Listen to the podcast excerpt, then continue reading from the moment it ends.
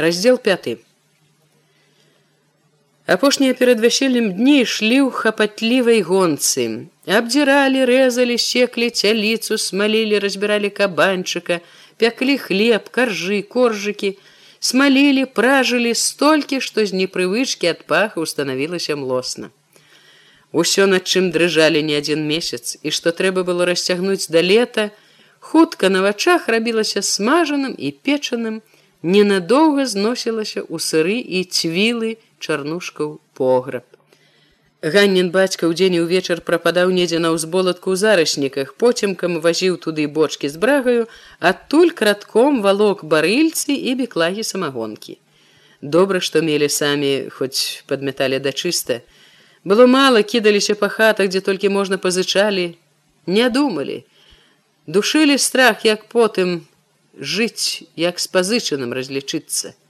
Думай, не думаю, що адно не выкруціцца інакш. Пакуль абы адзін клопат адолець вяселле збыць, а там Бог бацька, там будзе відаць. Рупіліся, абы пабольш было, абы хапіла. Хата поўнілася метуснёй гоманам чадам, вечарамі ў ганны балелі рукі і спіна, у роце было горка, сон браў дурнотны, нездаровы.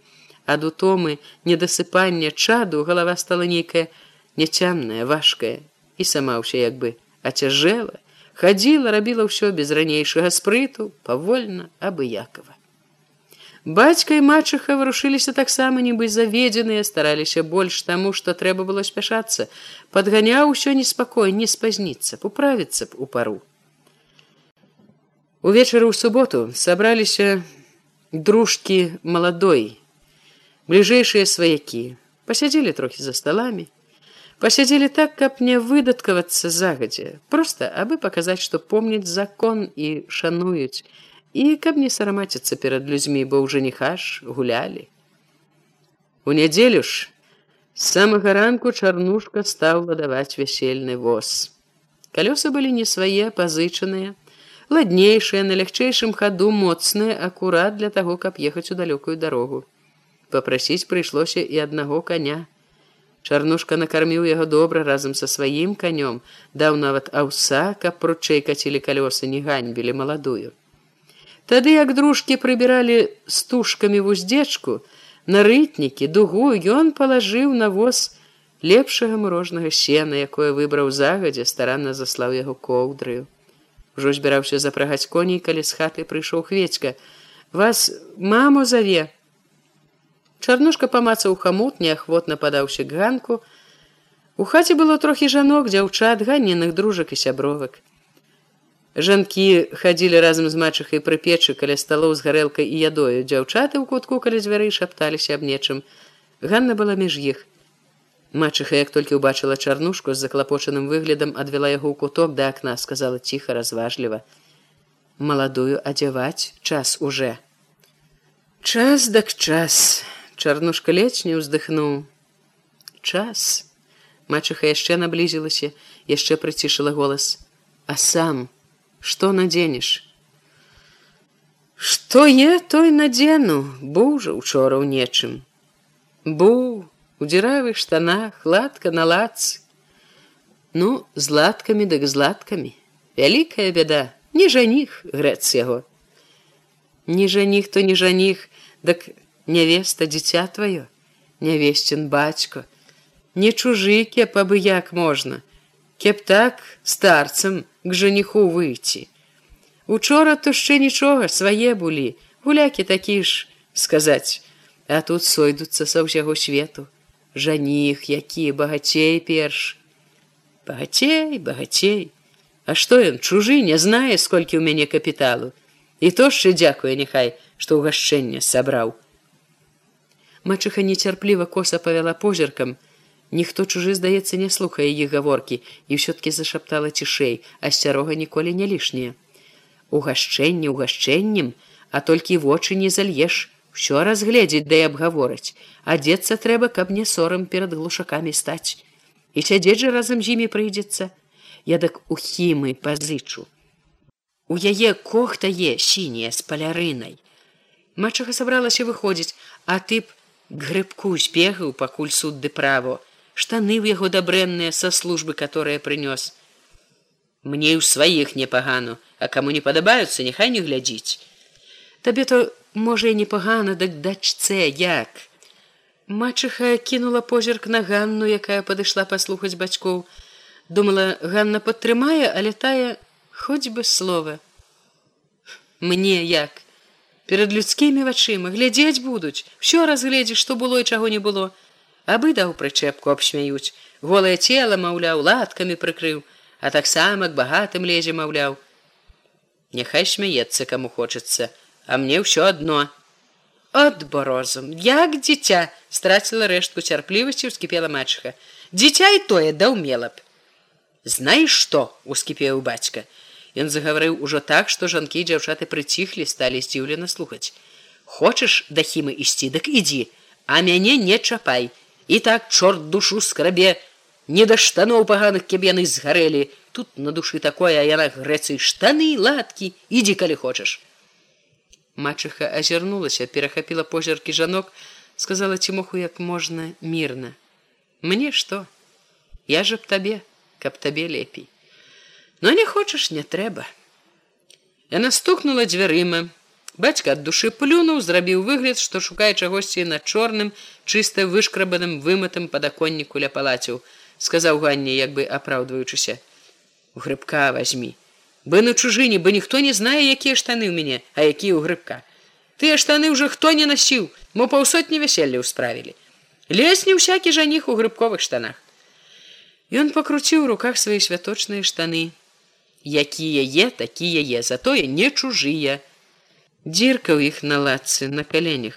Дайце за шыю. Ты б сказала кеп самую сабіралі. Вот от прыехаць могуць. Управлюся. Яна взяла штаны і прысела на высокіх палацях засланых новую коўдрай, под якой было ўсякага рыззя, пачала звыкла завіхацца з іголкай. Штаны былі не то шэрыя, не то жоўтыя, іх хацелі неяк паднавіць, пафарбавалі, але фарба аказалася з фокусамі, взялася няроўна, а лапіны вымалявала зусім інакш падспелую цыбулю.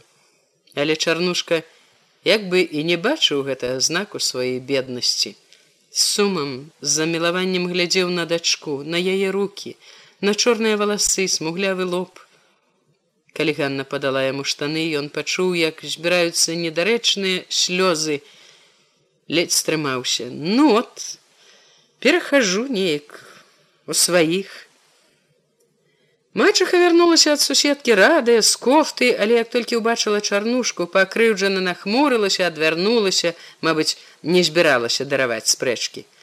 Бацька таксама было відаць, не збіраўся вінаваціцца. Матка, маладую час убіраць, сказала старая аўдоля, што корпалася пры печы. Знаю сама, што пара. Мачыха, нягледзячы на чалавека, паклала кофту на палаце, загадала ганне садзіцца на ўслон. Все, хто быў у хаце жанкі, дзяўчаты абкружылі ганну, адны каб дапамагчы мачыся, другія дружкі, каб зрабіць тое, што належыць ім выбраным за дружак. Трэцяе, каб проста паглядзець, такая ж падзея. Чарнушка квола хіснуўся, падаўся к дзвярам.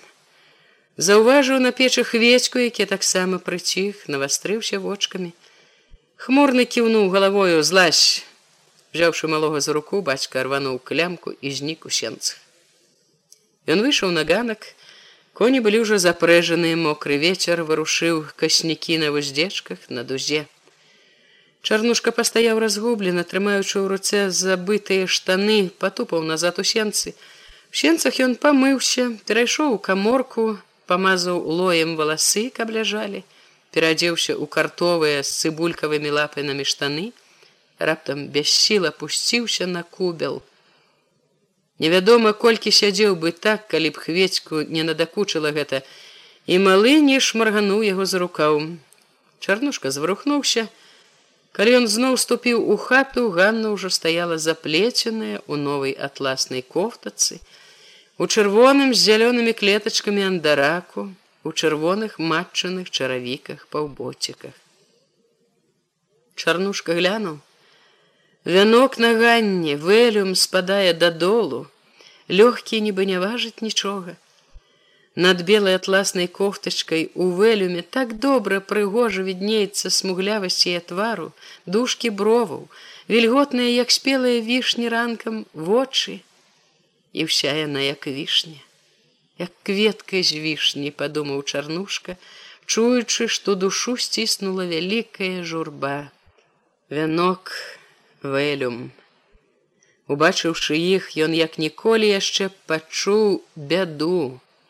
Не, ён не толькі пачуў, ён здалося убачыў гэтую бяду у вянку у вэлюме, грозную страшную. У яго зноў аслабелі ногі, руки, так што ледзь хапіла сілы, каб падняць руку, сцерці з вачэй штосьці мокрае, туманлівае. Ён адразу адарваў позірк ад Ганны, стаў тупаць па хаце, абы тупаць, абы не думаць, не глядзець на дачку ў вянку, у вэлюме. Усё, што ён бачыў, што чуў, дзіўна адгукалася ў ім журбою. Некалькі разоў убегалі ў хату дзяўчаты, аб'яўлялі едуць, пачыналася метусня, трывога, і журба ў ім пякла мацней. Потым аказвалася, што трывога дачасная, усе праціхалі, але сум яго не прападаў.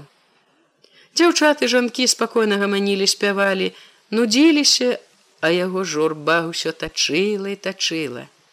Нават тое, як спакойна сядзела, чакала свайго дачка, таксама вярэдзіла яго душу.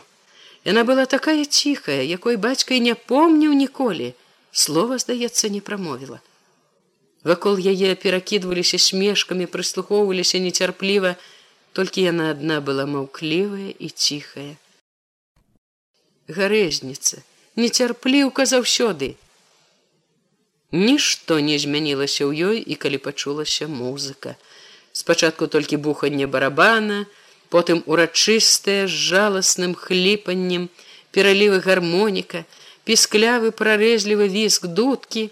Музыкі хутка набліжаліся, дудка і гармонік чуліся ўсё лепш і лепш, Адна з ганеных дружак гарэзлівая вяртлявая маруся ускочыла, прыслухалася са страхам, абвяла вачыма дзяўчат, крыкнула: дружыно, еду ж чужыя якісьці пад'язджаюць, маладую нашу ганулечку, мабыць, адабраць хочуць. Яна грозна нахмурылася, кінулася к дзвярам, не аддадзім яе, не аддадзім, выручым, прагонім, калі што якое, ці няхай па-добраму, выкупяць няхай. Усе, хто быў у хаце акрамя ганны з вясёлым шумам крыкамі высыпалі на ганак на двор. Чарнушка зірнуў на ганну, толькі яна не ажыла. Уздыхнуў, ціха выйшаў за ўсімі. Музыка на вуліцы перад самай хатай сціхла і ганне стаў чуваць гоман многіх галасоў, воклічы нейкія каманды, спрэчкі, рогат барацьбы. Не пушчаюць. Выкупу дабіваюцца прайшло ў яе галаве. Багата народу пэўна подумала яна як думаюць аб нечым далёкім чужым.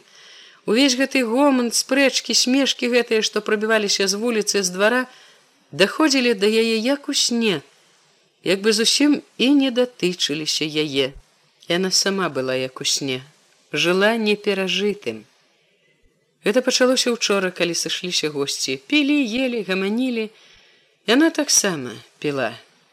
Піла не таму, што хацела, а таму, што не піць гарэлку маладой нядобра. Есці яна зусім не магла. Пасля таго здавалася бясконца гатаванне, ад якога і цяпер балелі рукі і было моташна, на яду і глядзець не хацелася. Чаго ты ганулі, не ясі нічога, падыходзіў бацька, які паглядаў на яе пільна, журботна.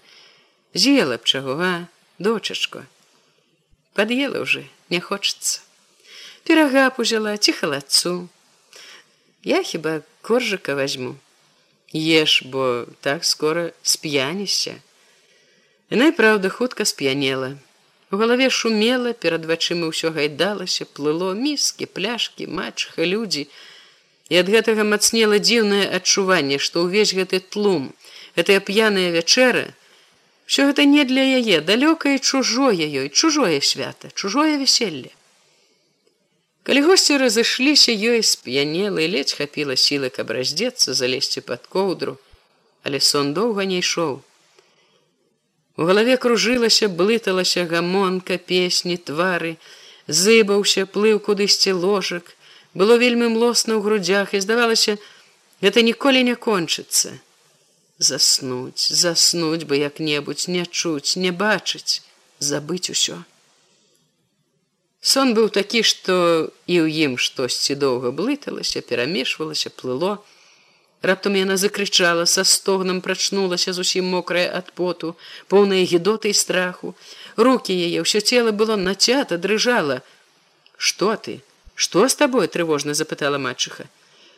Нічога сон прысніўся. А перахрысціся, спі.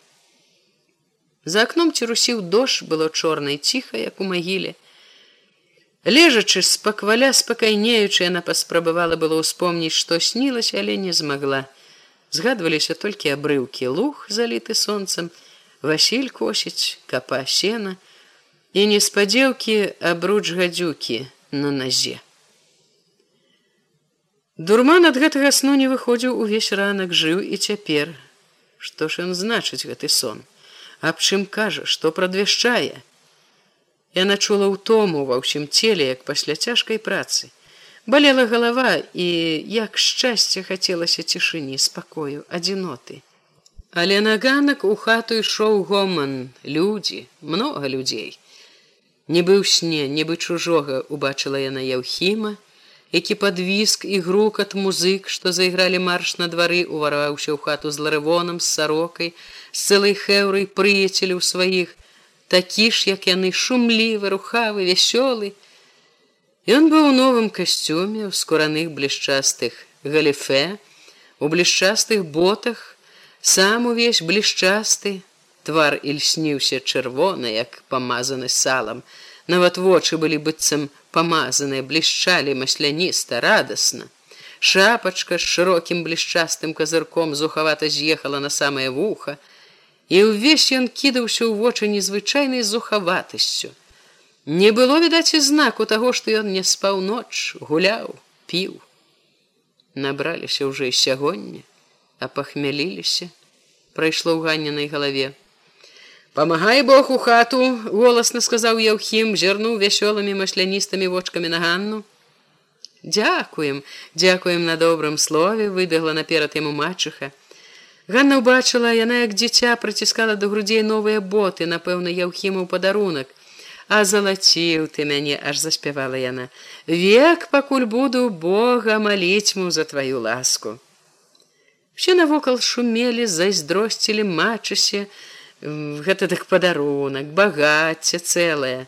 Ось жа шчасце ўвалілася ў руки цімашысе.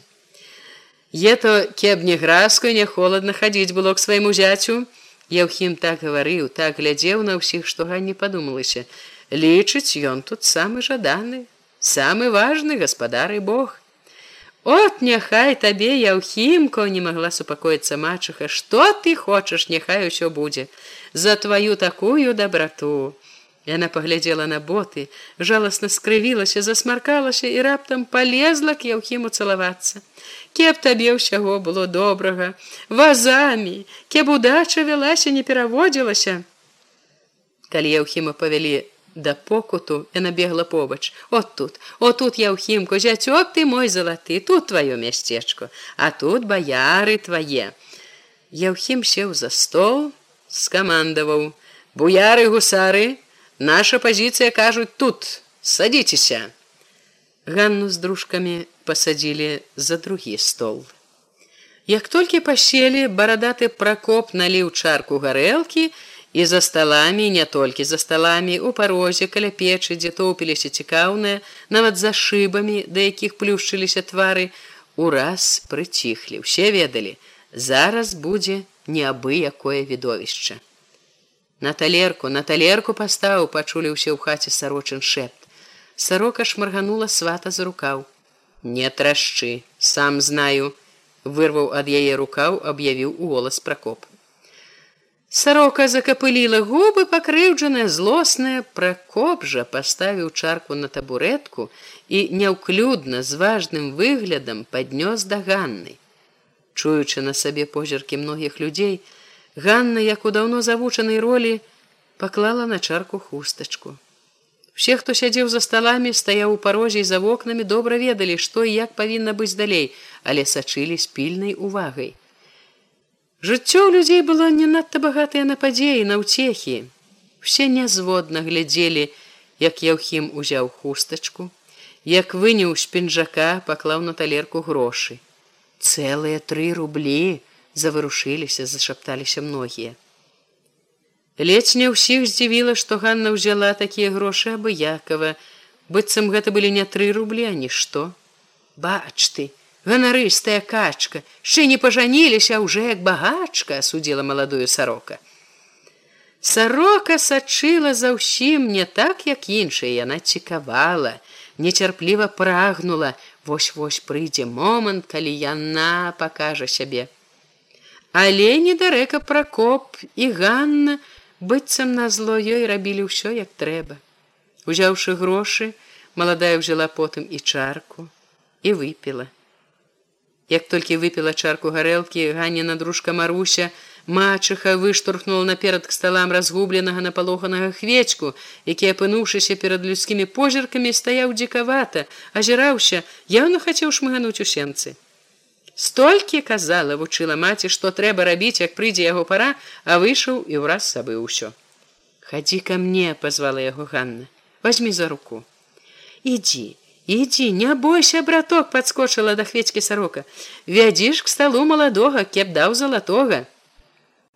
Хвечка азірнуўся на сенцы, падумаў трохі, неахвотна паслухаўся, узяў руку, якую падала Ганна, глянуў, куды ж весці, туды да сватоў шапнула браціку Ганна пайшла к прапкопу і сароцы якая ўжо важна сядзела за сталом.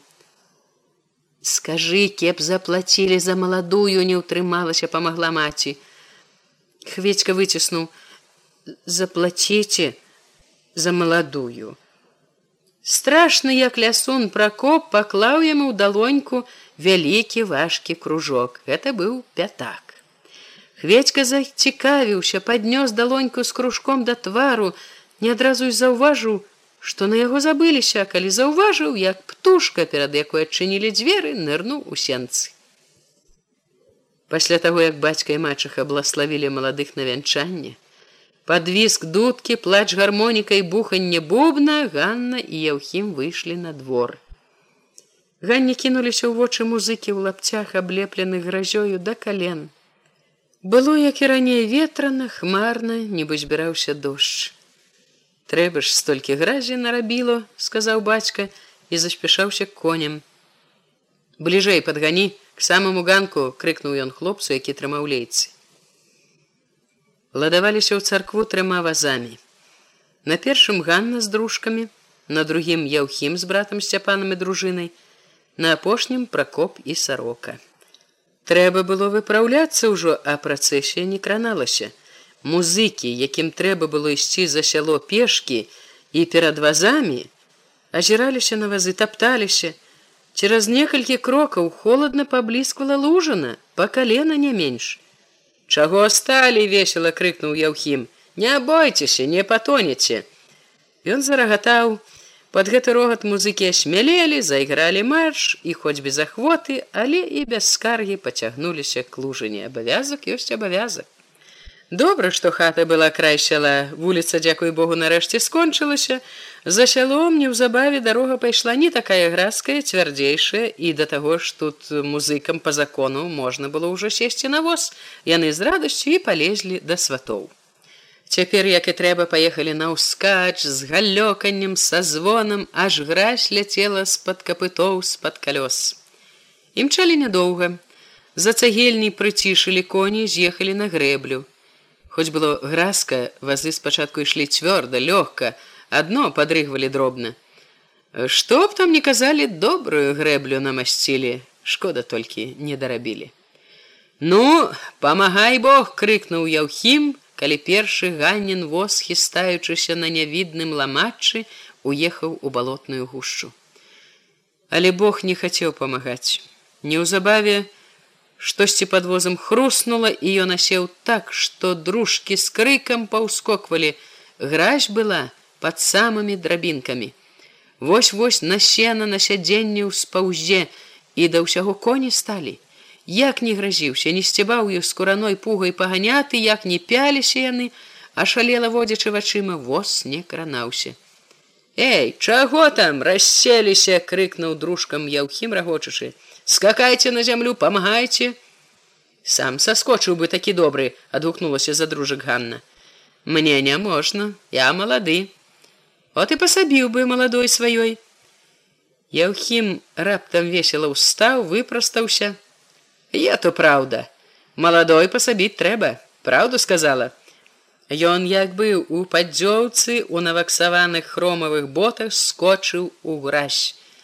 Грузнучы ледзь не да пояса, перавальваючыся з гарэзнай усмешкай рушыў да ганны.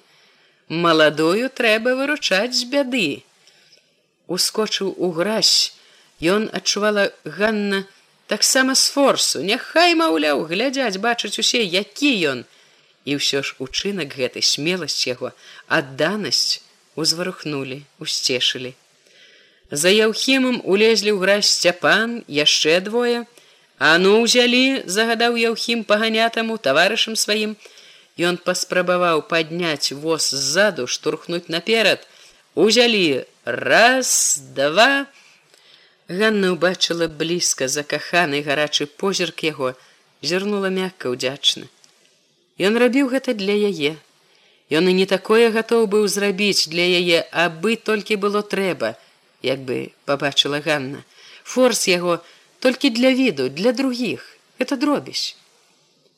Воз нехаця вылез з ямы, а сеў у другую, нахіліўшыся так, што здавалася, траха не перакуліўся, вылез из гэтай і з трэцяй і ўвесь час пакуль не кончыліся гэтыя ямы яўхім ішоў след памагаў. Цягнуліся па грэблі доўга хоць алешніцкія хаты на нізкім чорным пагорку за хмызняком былі здаецца рукой падаць. Холодная ліпкая гразь абапал голая панурая шчэць хмызняку быццам трымалі пры сабе не хацелі пускаць оступалі марудна неахвотна. Калі выпаўзлі на сухое спыніліся пасаскоквалі з вазоў жмутамі сена што выцягвалі з-за драбінак сціралі гразь з конскіх жыватоў і ног з калёс чысціліся прыбіраліся самі. Яўхімавы хлопцы хто сам не вельмі вырабіўся ў твані з рогатам завіхаліся каля яўхіма здымалі боты выкручвалі анучы абціралі штаны. О дак жа не іх чулася адусюль іржання самой захарася ў пару і тая спужалася. Ганне таксама было клопату, хоць пераседзела грэблю на возе, фарбаваную світку і андарак гразь пабіла нібы шротам. Это ж трэба, чтоб так разліло, здзіўлялася сарока. То мароз, то снег, то гразі па вушы, траха не потапіліся. У сяло ўехалі, як і трэба ўязджаць у сяло маладым, важна, урачыста. Яўхім наказаў каціць так, каб зналі нашых, Музыкі, якія зноў мясілі наперадзе ў лапцях, як толькі падышлі да першых хат, далі такога зыку і грукату, што алешнікаўцы, хто ў чым быў у момант высыпалі на вуліцу, як на пажар. Старыя, малыя, тулічыся каля платоў і варот, разглядалі працэсію, гаварылі штосьці адзін аднаму. Найбольш гаварылі мусіць аб ёй, і Ганна чула сябе няёмка, як у куранях, калі гулялі змовіны. Зноў былі ў душы сорам, вінаватасць, нядобрая неясная трывога. Недалёка за паваротам завіднеўся под бляшаным дахам папоўскі дом, за якім трохі ў баку за хатамі ў скрай поля забялела сценамі, зазелянела купаламі і паддашкамі, акружаная частаколам і голымі бярозамі царква. Чым бліжэй пад'язджала Ганна вуліцы і прысадамі да гэтай царквы, тым трывожней цяжэй станавілася ў яе на душы. Перад царкоўнай агарожай коней спынілі, маладыя і ўсё іх акружэнне пайшлі к царкве па ўтаптанай дарожцы пешкі. Калі Ган наступіла за агароджу, трывогу яе раптам, як і ўвечар пасля змовін пранізала пякучае джала шкадаванне аб тым добрым, дарагім, якое яшчэ нядаўна не толькі не берагла, але не заўважала, якое заўважыла, пачула так позна перад тым як страціць Ступіўшы на ганак, яна мімаволі прыпынілася, так хацелася стаць, пачакаць, адцягнуць тое, што павінна было зараз адбыцца. Павінна было палажыць мяжу між ёй і ўсім мінулым, не перажытым яшчэ, дарагім, так хутка і назаўсёды. Але не стаяць, не чакаць нельга было. Ззаду збоку тоўпіліся людзі, дружкі яе, Яўхім, дружына яго, сарока, пракоп, алешнікаўцы. Яе, нібы вада дрэва несла гэта людская плынь у пройму дзвярэй. Проста перад ёю, пабліскваючы па залоты, чырвона свяціліся алтар, абразы, лампады. Ганна ўбачыла бляск рызы і перавяла позірк на бацюшка ў твар. Стары глядзеў насустрач, здалося пранізліва, строга, быццам бачыў і ведаў усё. Что ж я? Грэх жа грэх божа мой!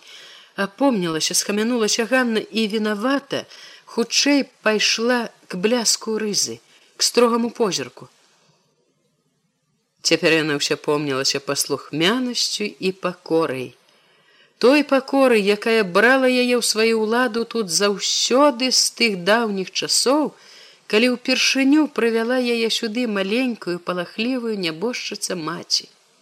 Паслухмянасць страх пакора што перад гэтым бляскам і таямнічасцю увайшлі ў яе ў той дзень так і засталіся ў ганне на ўсе гады. Няхай не такія моцныя як у маленстве але ўсё ж жывыя неадступныя. Са звыклай тут паслухмянасцю рабіла яна ўсё што трэба было Чула ловячы кожнае слова рудога алешніцкага старасты і бацюшкі, сачыла без думак, як увішная сарока з пракопам рассцілаюць скрутак палатна на падлозе, кладуць на яго два пятакі. Па знаку рудога алешнікаўца пакорліва стала побач з яўхімам правай нагой на манету, зняла свой перстень. Бацюшка, на твары якога ад варушэння святла маршчыны то амаль знікалі, то вырэзваліся крывымі глыбокімі раўчукамі, даў ёй запаленую свечку, якая мігала і чадзела. І Ганна стаяла як скамянелая, пакуль ён перад Богам і святымі, што блішчалі, сачылі адусюль, надзяваў яўхіму персцень ёй на палец, а яе персцень яўхіму. З усяго, што было тут, гэты момант здаўся ёй як самы важны. Яўхімаў персцень, які яна добра чула на пальцы, быў як знак, што паказваў яе новае становішча. Вот і ўсё, уже чалавек мой, а я жонка яго, ясна прайшло ў галаве. Гэтая думка цяпер не выклікала ўжо ні трывогі, ні шкадавання. Ганна пачула нават дзіўную палёгку.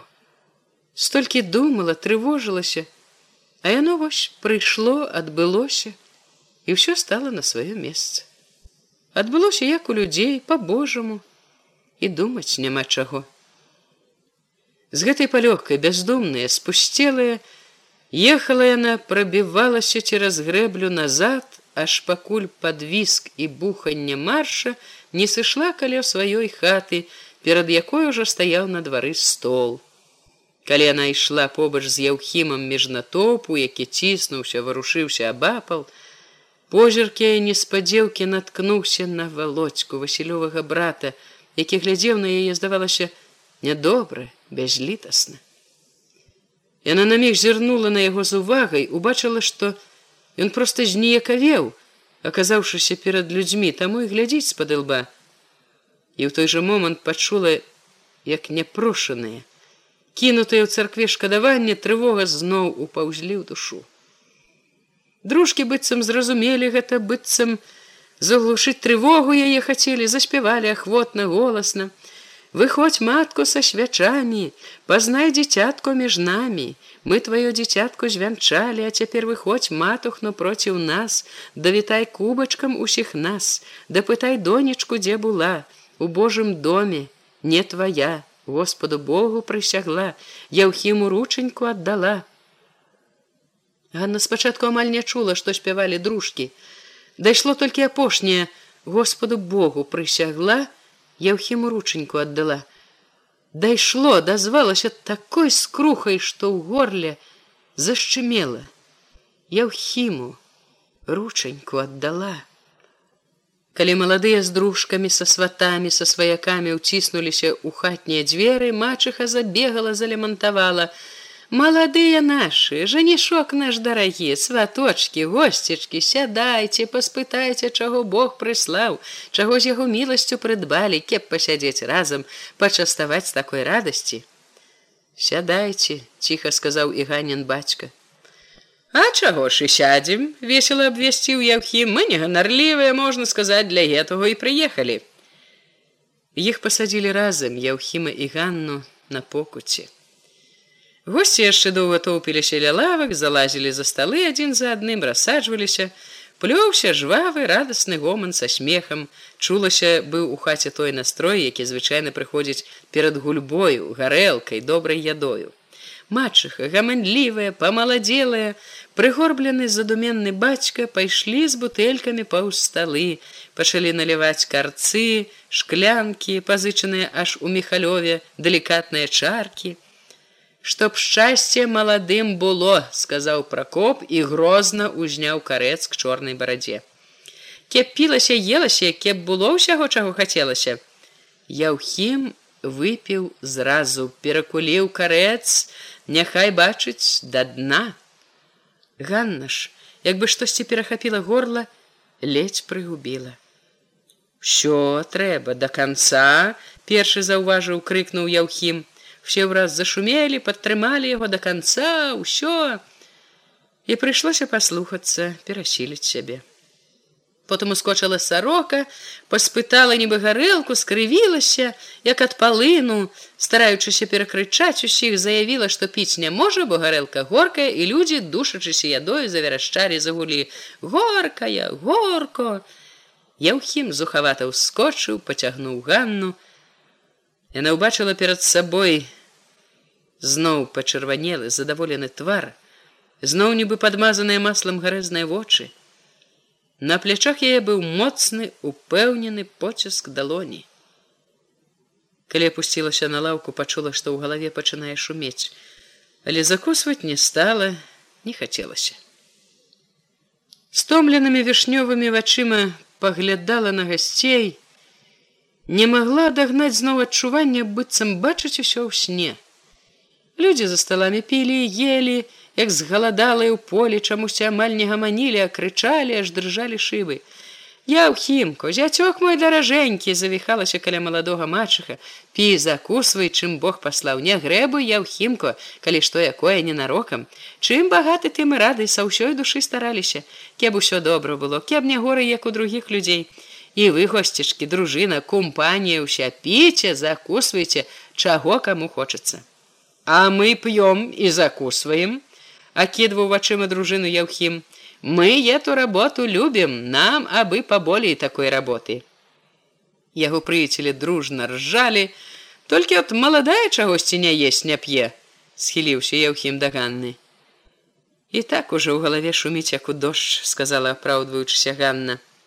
Бацька учуў, заступіўся, не воліць не трэба, кожны сам знае, сколькі каму выпіць сколькі хто можа няхай столькі п'е Ён паспрабаваў адвесці гаворку ад ганны сказаў да яўхімавых хлопцаў которые могуць няхай п'юць не баяцца гарэлка сказаць не куплёная грошай не пераводзіў сам у кустах нацадзіў а едкая ядры яе пячэ горай за огонь это не тое што хвабрычныя пахваліў ганненага бацьку ларывон. А закуска яшчэ лепей падтрымала гаспадароў помнічы пра свой абавязак дружка Маруся. Такое ўсё смачнае і смажэнне і пячэнне.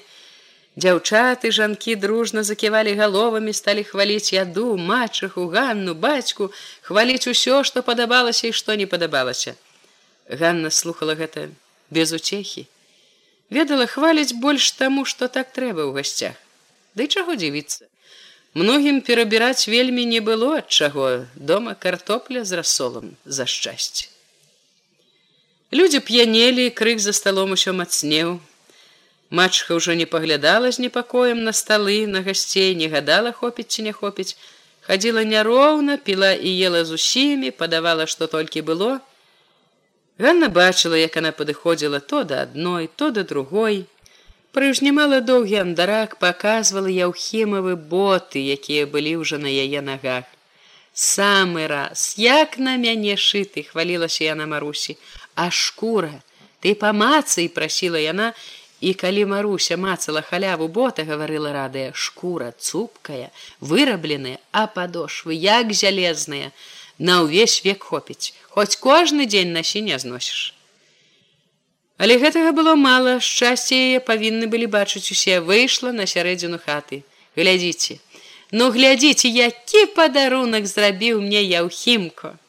Яна павяла вачыма поўнымі шчасця і слёз у бок яўхіма. Зяць мой залатая душа! Бацька ўзяў яе за руку, хацеў адвесці ў куток, далей ад бяды, але яна не паслухалася, адхінулася ад яго, павярнулася кругом, каб бачылі з усіх бакоў, якія боты. От прыдбала зятька. У шуме і гомане мачыха, размазваючы па твары слёзы шчасця, пайшла да яўхіма абняла. А залаціў ты цешчу сваю яўхімку. Век не забуду, такія чобаты насіце на здароўе мамо голаснай таксама задаволена сказаў еўхім а парвяце новое падару насіце не шкадуйце Ён быў сп'янелы але трымаўся яшчэ моцна між усіх хто сядзеў поблізу ён здаецца і піў і галёкаў найбольш Ён і тут чуў сябе самым важным самым дужым як бы хваліўся тым што піць і крычаць можа без канца Калі сталі сварыцца прыпеўкамі сваты і дружкі, Ганна неспадзеўкі зноў убачыла васілёвага браціка. Ён, аказваецца, быў ужо ў хаце, сядзеў з хведькам на прыпечку і глядзеў і слухаў, зноў здалося ганне хмурна, не па-дзіцячы сур'ёзна. Ён мусіць адзін не рагатаў, чуючы, як дружкі на чале з задзірыстай звонкай марусій кпілі, здзекваліся са сватоў. Наш сваток не ўмее ля стала стаяць і, дай з дружкамі размаўляць ідзі ў месца ды купі сабе мыла чтоб жонка любіла чтоб дзеці пазналі дай бацькам назвалі Ганна сачыла за малым з вінаватасцю пяшчотай глушыла ў сабе жаданне падысці да яго пачаставаць пагладзіць галоўку сказаць што-нибудь добрае ласкавае як не туманіла галаву сп'янеласць помніла ўсе ведаюць што было ў яе з васілём і пяшчоты з яго братцікам асудзіць. І ўсё ж жаданне падысці да малога не адступала. Не хацела слухацца развагі. Сп'янела ёй так цяжка, проста немагчыма было адагнаць раптоўную спакусу. Пайду бы да хвечкі, скажу што-небудзь хвечку, а тады яму бы ненарокам. Яна ўзнялася, пастаяла трохі каля печы, прытуліўшыся спінай к пабеленай сценцы, Стаяць было нелёгка, подлога хадзіла як плыт на вадзе. Цяпер спявалі кпілі з дружак сваты. На яе ганну не глядзеў ніхто, як яе не было тут, як і не яе вяселле. І праўда можа, не яе сон толькі. Глупства якое, чаго толькі не прычаўпецца з п'яну, не сон, не сон. Прапіваюць яе, нікаго другога, прапілі ўжо. Але думаючы гэта, яна цяпер не трывожылася, не шкадавала ні аб чым. Всё было абыякавае. Хацелася толькі аднаго падысці да валодзькі. Дзіўнага сур'ёзнага малога, якое раней нібы і не заўважала. Яна знайшла ў печцы некалькі коржыкаў, усхвалявана падала малому, на возьми, паспытай. Ён не адразу ўзяў хвіліну, як бы думаў браць ці не браць белыя марымоньскія Ганна не ўтрывала пяшотна правяла далонню па яго галаве. Ух ты беленькі мой! Наказала абодвум глядзіце ж жывіце добра дружненько! Ледзь толькі сваты і дружкі перасталі спяваць за сталамі зрабілася вельмі сумна. Все было з'едзена гарэлкі не налівалі. Як не пяліся ні хапіло прайшло ў ганненай галаве Мабыць, каб не даваць у ганьбу гаспадароў і не марнаваць людзей за ставамі, здагадлівыя сваты абвясцілі, што пара дзеліць каравай, але раптам заўважылі пра паўдзесьці ганнен бацька. Мачха неўзабаве вярнулася хмурная злосная засіпела ціха ганне сорам які на ўсё сяло п'яны як міця Яна чамусьці скрывілася ад плачу. За ўсю маю ласку, за ўсё аддзячыў. Дзе ён? Абарвала яе хліпанне Ганна. За прыгрэбнікам на калодзе. На дварэ было сыра, холодна і так цёмна, што каб не цьмяны водбліск ад святла з вокон не пабачыла піганка. Ганна пастаяла трохі чуючы, як ад свежага ветру яснее галава, дужее цела, стараючыся не паслізнуцца, падалася цераз жоўклыя палосы ў цемру. Бацька ледзь відны нават не варухнуўся, калі падышла, быццам драмаў. Тату, вам пагана, схілілася яна над чарнушкам. А гануля, бацька пашукаў яе руку, лагодна ўзяў у сваю, ён азірнуўся. А етай гадзюкі няма. Ганна здагадалася, пра каго ён пытае, сказала супакойваючы: няма нікога. Пайшлі вы тату дадому, шукаюць там вас, каравай дзяліць трэба. Падзелюць, паспеюць. Ён раптам мне добра з болем гмыкнуў, прамовіў квола: Ты помніш, дочачко, маці нябожчыцу. А еш, чаму ж не помню. Хадземце тат, холодно, прастудзіцеся яшчэ не дай Бог. Не даждалася. Іванна пачула ў бацькавым голасе пякучыя слёзы. Не пабачыць, не паплача. Не трэба, тато. Ці ж я вораг дзіцяці свайму дочачко. Не вораг, тато, але не трэба вярэдзіць сябе, ўсё будзе добра. Добра. Ганец здалося, што ён паслухаўся, паспакайнеў, але праз момант ён забедаваў зноў: « Ай, дочачка, ты моя, ганулечка, Пабачыла б усё нябожчыца. Не трэба, тату, Всё будзе добра. Это вам толькі здаецца так, выпілі вы трохі лішні. Шкода мне цябе вельмі. І я вас шкадую тату, А толькі не думайце нічога паганага, усё будзе добра. Ці ж вы не знаеце сваю ганну? Знаю, знаю, толькі. А знаеце, дак не бойцеся, не журыцеся, бо мне маркотна будзе, чуеце? Чую, не буду. Бацька пусціў яе руку, выпрастаў плеч. Будьце вясёлы, чтобы мне было весело і ўстаньце. Людзі ждуць нядобра. Давайте я пробяру вас трохі. Хадзем. Хадзем, дочачко. Гаворка з бацькам зноў нагнала на ганну сум, але яна і знаку не падала нікому на тое, што затаілася ў душы. Увайшла ў хату спакойная, нават вясёлая, лагодна трымаючы за руку бацьку. Нядобра штосьці стала яму, сказала гасцям. Гарэлка, мабыць, не ідзе. Бацька стрымаў сваё слово. На мачху глядзеў мірна, бедны падарунак, на які толькі наскраблі грошы, картовыя штаны ў пасачку, даў маладому ветліва зачліва кіўнуў лагодна калі мачыха дадала чым багаты я ўхімка тым рады не пагневайся мне вы так падарылі усім падарункам падарунак яўхім узяў ганну за стан. Як ён відаць і хацеў вакол пачуўся смех. Сарока ўставіла отдак хвала бацьку і маці ад разумнага дзіцяці! Яўхім схіліўся п'яна. І заетыя за штаны дзякуваць спатрэбіцца толькі калі ўнеслі каравай і трое жанок пастаўшы на лаўкі ўзяліся здымаць з ганны вянок і завязваць хустку бацька знос пахмурнеў і губы яго смыкнуліся журбою вінаватасцю Ганна перахапіла позірк яго весела з любоўю усміхнулася і ён паяснеў нібы асветлены яе усмешкай Клапоцішася пра бацьку яна зусім не пашкадавала, што страціла вянок знак сваёй дзявочай волі. Але весялосці, як не старалася, хапіла ўсё ж ненадоўга, пакуль не падзялілі каравай. Пасядзелі для прыліку трошкі, і сарока тонам знаўцы аб'явіла: от папілі, пагулялі, парай выходзіць, пора ўжо ж другому дому, к суджанаму, к маладому.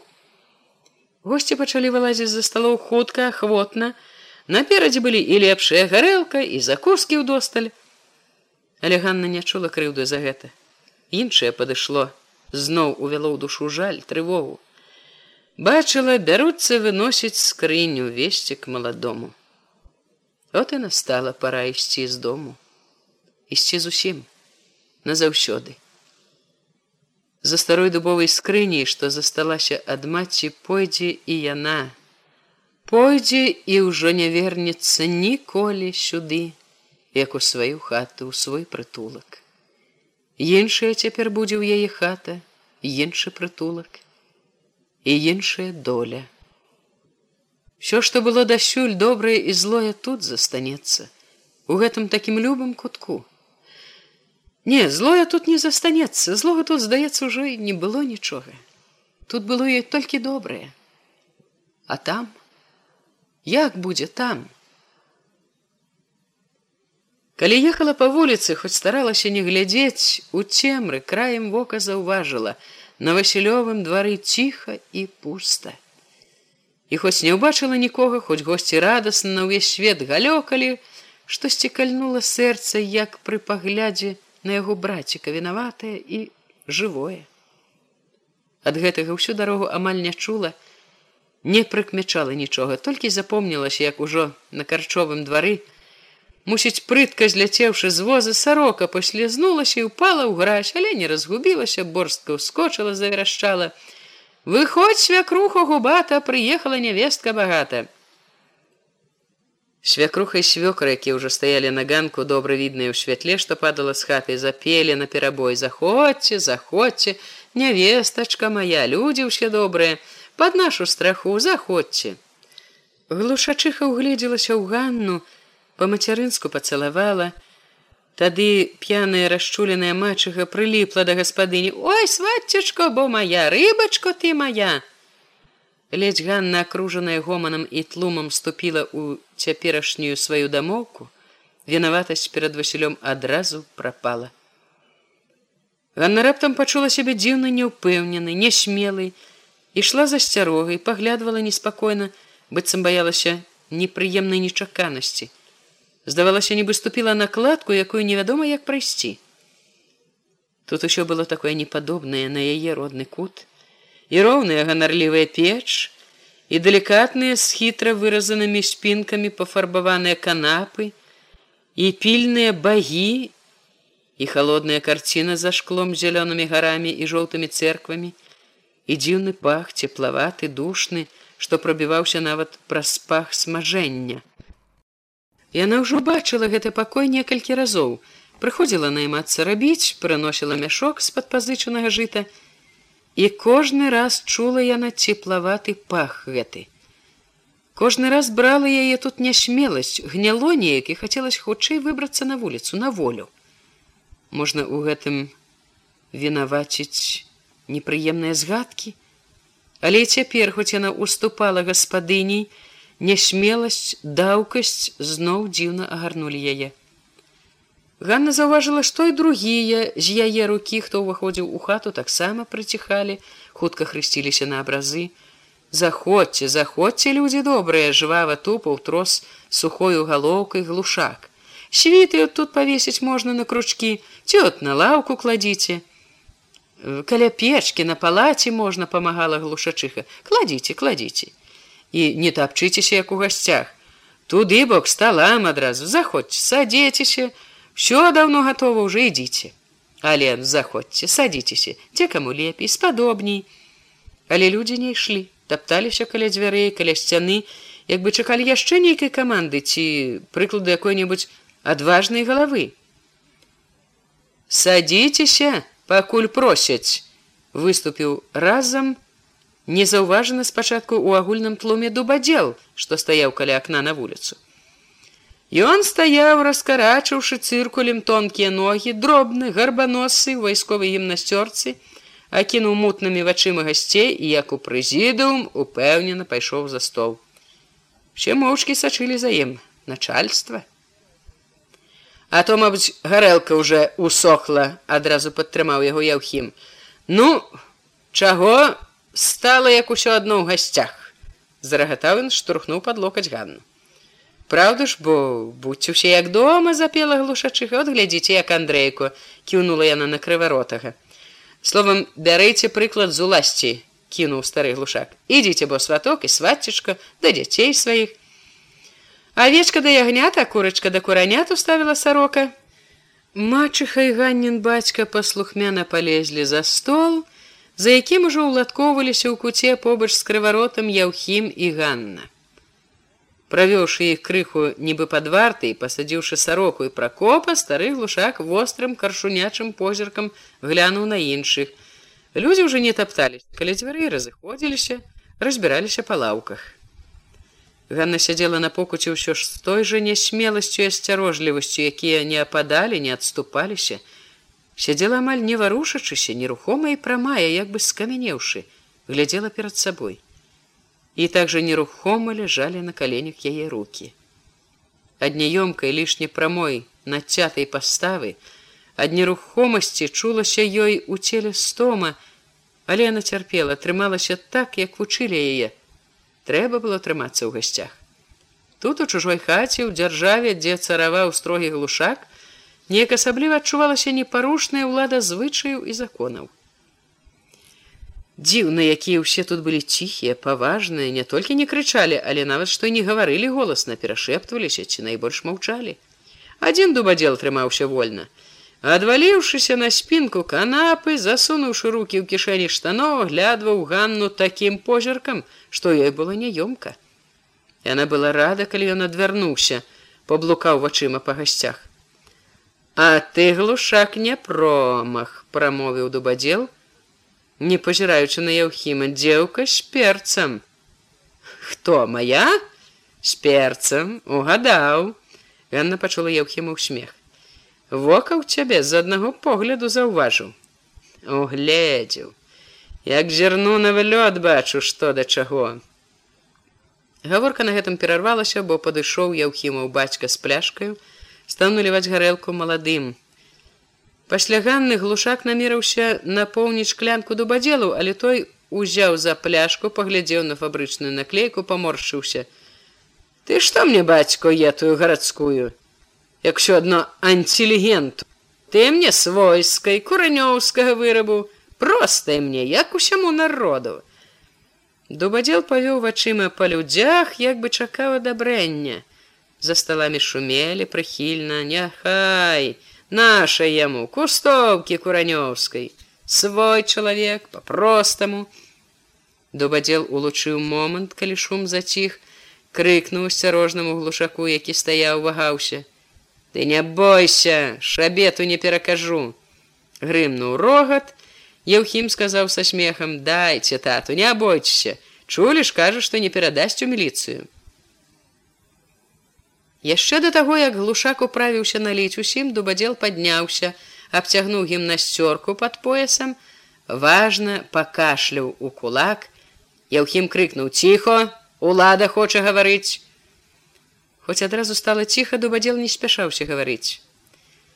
Грамадзяне жыхары сяла курані, заявіў ён, вытрымаўшы належную паузу. На данным этапе, калі мы сабраліся тут у дзядзькі глушака, і сядзім за столом.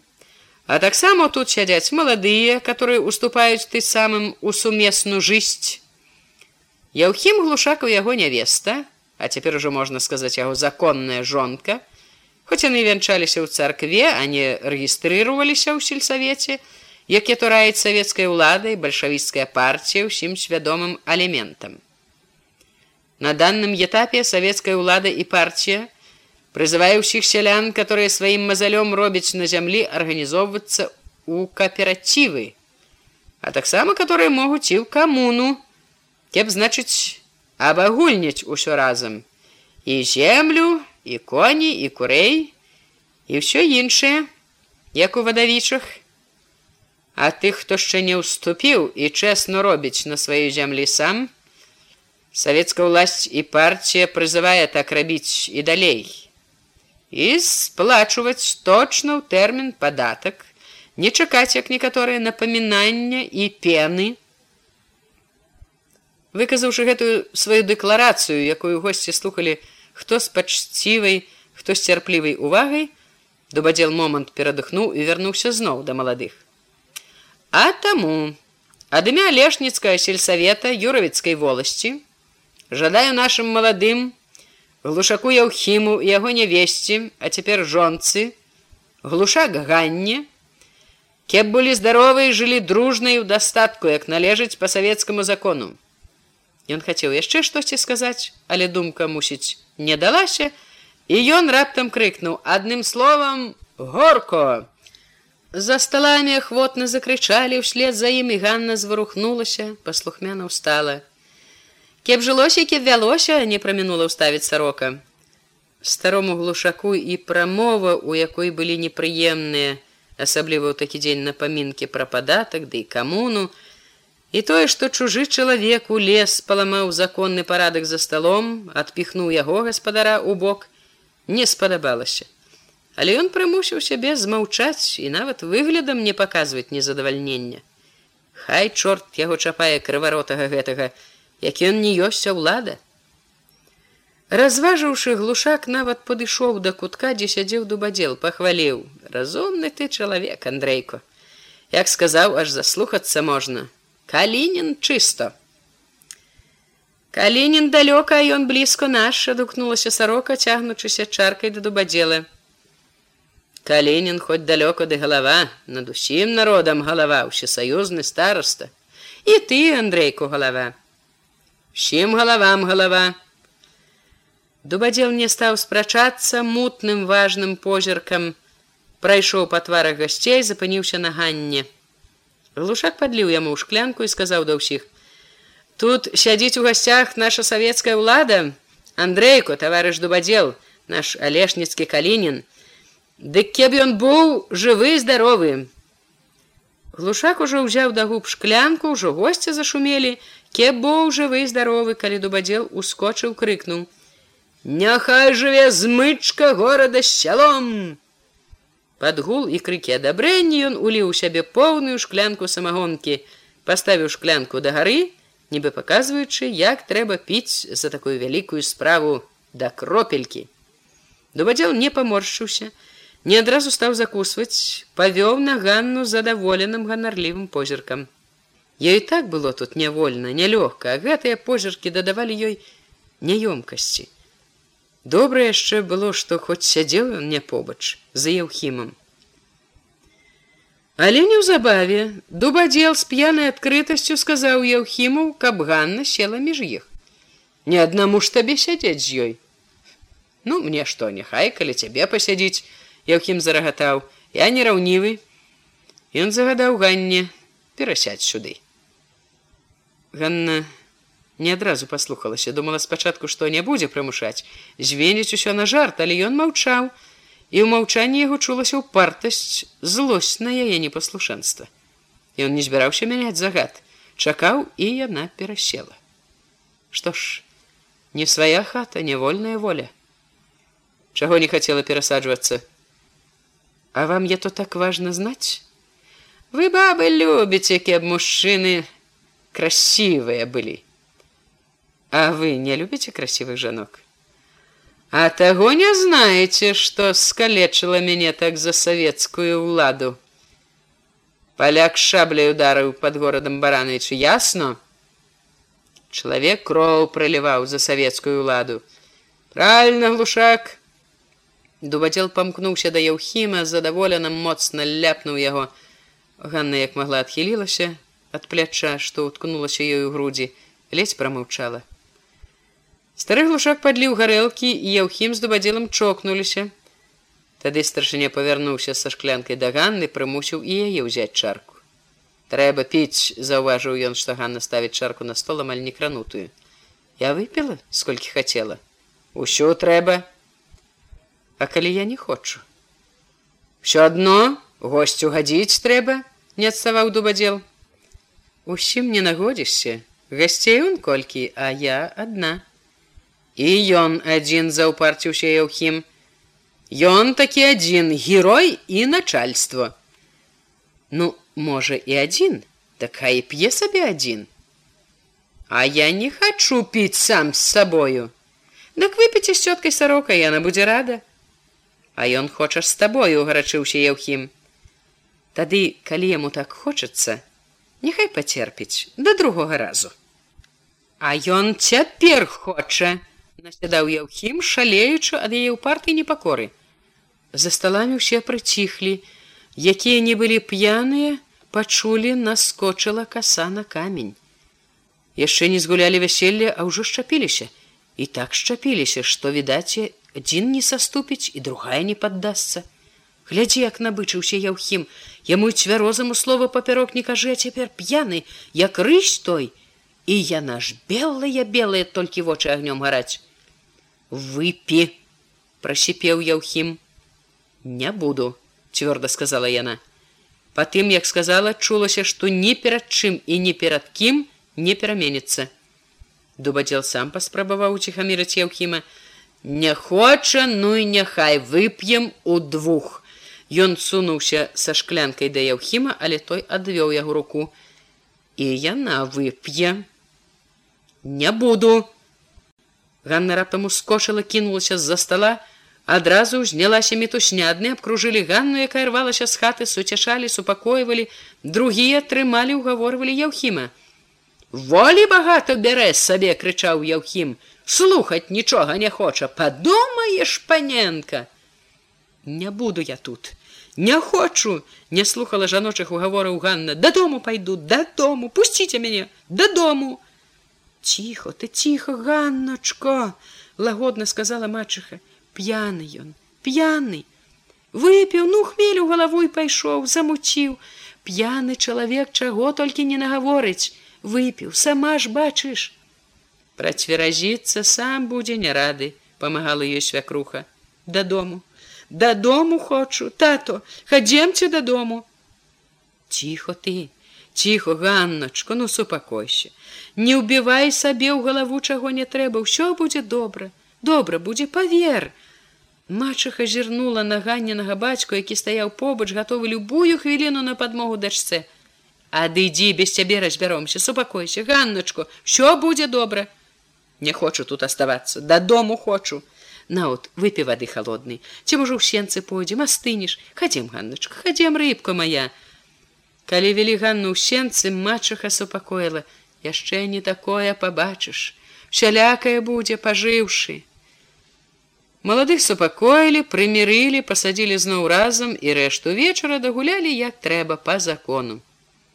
Толькі калі госці разышліся, маладыя засталіся адны ў прыціхлай чыстай палавіне, перад шырокім куплёным к вяселлю ў юравічах жалезным ложкам. Яўхім нагадаў спрэчку, але без злосці, згаворліва. Забываць бы трэба, што нічыя была, Мая цяпер слухацца павінна, не ганьбіць. Помніш, што я табе адзін расказала, прамовіла Ганна ціха, і здавалася, што да іх з-за сцяны прыслухоўваюцца старыя глушакі, што са мной трэба кеп по-добраму, по-добраму, по-добраму, ну і цаца ж ты, як бы Бог знае, дзе расла. Ну, дзе не расла, такая вырасла, урода такая, другая не буду. Дрэвы з гадамі мяняюцца не тое, што людзі рэчка вунь, які алешаны выварочвае. Ты не рэчка, а я не алешана. Помні, хоць і жонка я, не сваёй волей жыць павінна, а толькі, што па-добраму са мной. Яўхім паглядзеў на яе. Ось жа скажы ты ўпартая, яшчэ толькі ўвайшла ўжо камандуе. Але спрачацца не стаў, прымусіў сябе засмяяцца хопіць ужо гаворкі это і так галава трашчыць лажыцца ж можа уже час у тую першую ноч замужжа Ганна доўга не могла заснуць. Адсунуўшыся ад яўхіма адвярнуўшыся стараючыся не чуць як ён храпеля жала яна спусцелая стомленая атупелая ад перажытага ад нядаўняга гоману ад самагоннага дурману. Ляжала ў душнай цемры здавалася забытая ўсімі пакінутая адна адзінокая ў цэлым свеце от і ўсё. Як бы прорываючыся праз туман думала яна з такой тугою нібы настаў канец свету. Все ўсё ўсё гаварылі паўтаралі ёй бясконца ходзікі на сцяне. Што ўсё? Губляла намагалася яна зноў злавіць сэнс гэтага ўсё і часта не магла знайсці вярнуць хоць якую яснасць галаве, якая поўнілася непадатным нядобрым туманам. все одно рано ці позна ніхто не мінае прывыкну як-небудзь все прывыкаюць і таксама прадзіраліся часам у галаве важкія цягучыя думкі потым зноў усё прападала ў тумане і атупеласці на двары то адзін то другі то абодва разам звенелі ланцугамі брахалі вылі сабакі адзін басавіта паважна другі па-дзіцячы пісклява але вельмі злосна аж захліпваўся. Начныя старажыня спалі пільнавалі глушакова добро іх брэх сплятаўся з храпеннем побач з храпеннем за сцяной з мерным чыканнем ходзікаў гукамі якія ўвесь час напаміналі што яна ў чужым доме у чужым жыцці. Прывыкну прывыкну усе прывыкаюць і я як усе На трэці дзень, калі вясельны тлум сціх, свякруха разбудзіла яе яшчэ на досвіту і сказала: « Ну от, пагасцявалі, пагулялі, хопіць вылежвацца, трэба свіней карміць. Ганна слова не сказала, усхапілася, стала хутка адзявацца. У канцы гэтага тыдня куранёўцы і алешнікаўцы, якія рабілі грэблю, нарэшце сышліся. Грэбля была скончана роўныя шэрыя а там дзе толькі што кончылі жоўтыя ад свежага пясочку ішла яна між багны між згалелага хмызняку ад нізкага куранёўскага берага да шырокага адхону перад алешнікамі як добры знак чалавечай моцы. Яна ўжо нідзе не перапанялася рудой балотнай тванню. Твань мокла толькі па баках адступіла перад грэблю перад чалавечым жаданнем. Дзядзькі сабе дзвюх вёсак сышоўшыся задаволена пакурылі пагаманілі разышліся кожны сваёй дарогай. Праз дзень у нядзелю на адхоне перад алешнікамі сабраліся на мітынг. Народу сплылося столькі колькі не заўсёды было і на юравіцкім пляцы ў кірмашовыя дні. Былі не толькі з куранёў і алешнікаў але нямала з глінішчаў і з мокуці і з іншых сёл. З юравіч на тачанцы прыехалі на свята апейкай двое рабочых Сярод натоўпу тут і там чырванелі весела сцягі. Ігралі два гармонікі, басавіта грымеў вялікі бубен. Людзі гаманілі, спявалі, жартавалі, людзям было весела.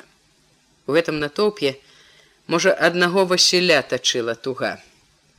Разварушанай гульнай весялосцю, як сам не свой снаваў ён між людзей мімаволі чакаючы ўбачыць Ганну. Дзіўнае чуў пры гэтым і нібы хацеў пабачыць і не хацеў, злаваў, баяўся, ведаў што ўсё з ёй скончана. А душа ўсё трывожылася як бы спадзявалася яшчэ на штосьці. Замест ганны убачыў яўхіма. Лепш бы не прыходзіў сюды васіль. Сэрца заныла балюча як убачыў карча. Стаяў яўхім з ларывонам вясёлы рэгатаў увесь аж свяціўся шчасцем. Нават лакаваны чорны казырок ссунуты на бок шчасліва зіхацеў. У такім настроі васіль мала чуў што гаварыў дубадзел які першы ўзлез на прывезеныя калёсы што былі замест трыбуны стаў слухаць толькі тады як з калёс загаварыў апейка дзядзькі цёткі хлопцы дзеўкі дарагія нашы таварышы мы ўсе сягоння сабраліся тут каля грэблі як на свята і праўда хіба ж не свята от ляжыць яна роўная сухая новая грэбля ў дождж і ў слату і зімой і ў весну і едьце по ёй колёсамі ідзіце пешки ідзіце не будете не толькі что тануць по пояс а і ног не замочыце не толькі мужчына дзіця можа прайсці балота цяпер любой парою можна хадзіць у школу можна ездзіць на кірмаш можна ў госці адзін к аднаму абы зажадалася вялікая радасць грэбля і ўсе мы вся воласць радуемся з вами і віншуем вас апейка перачакаў гол задавальнення.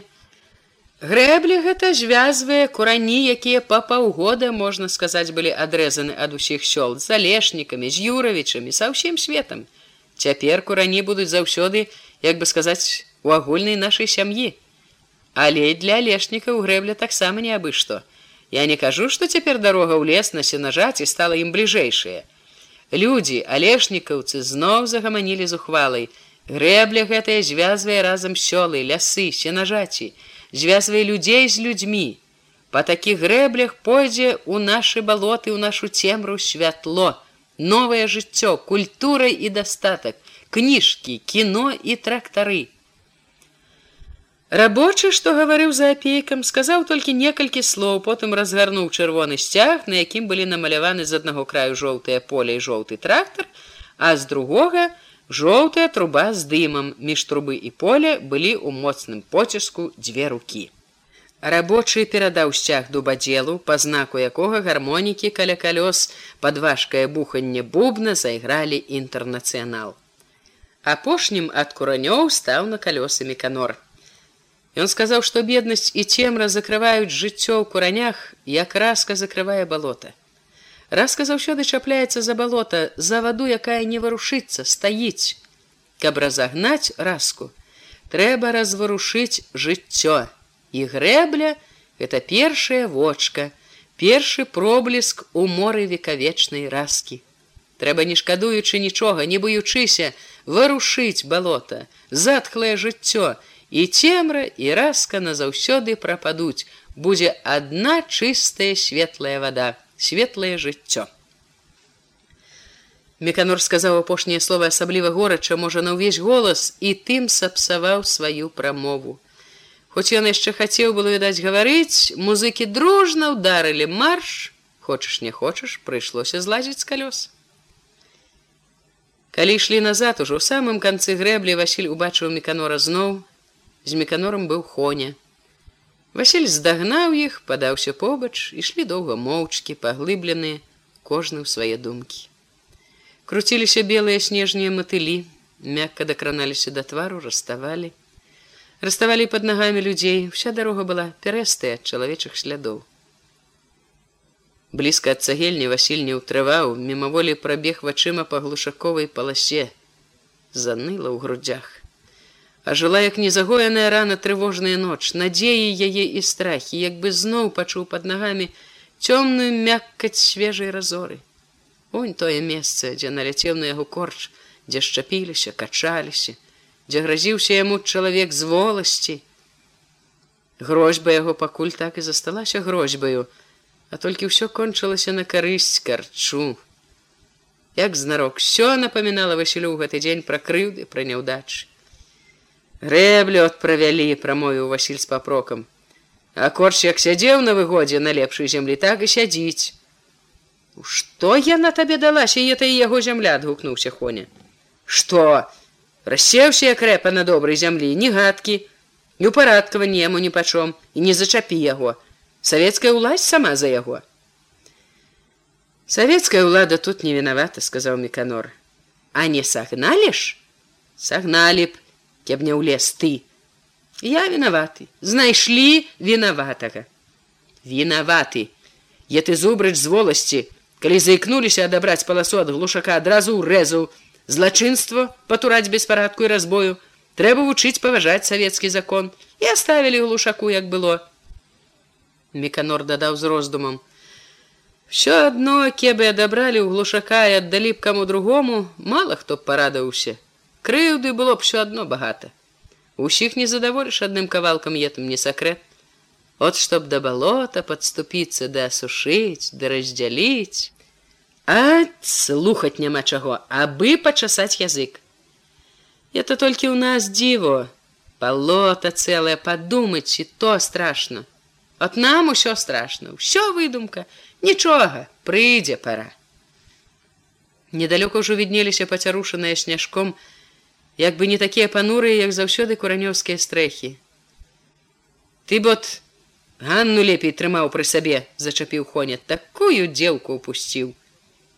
Пусціў, не упусціў, што з таго, Чаго мне было дзяржаць яе? Як это чаго? А так, сам голы ды яшчэ голую браць на шыю. Е там не сакрэт на шыі не была б, сказаў Меканор. А дзелка, Што ўродаю, што рукамі першая мо на ўсю воласць. Мяне аж зайздрасць брала, што яна з табою. Упусціў. Упусціў, Васіль раптам ускіпеў, ну упусціў, што вам?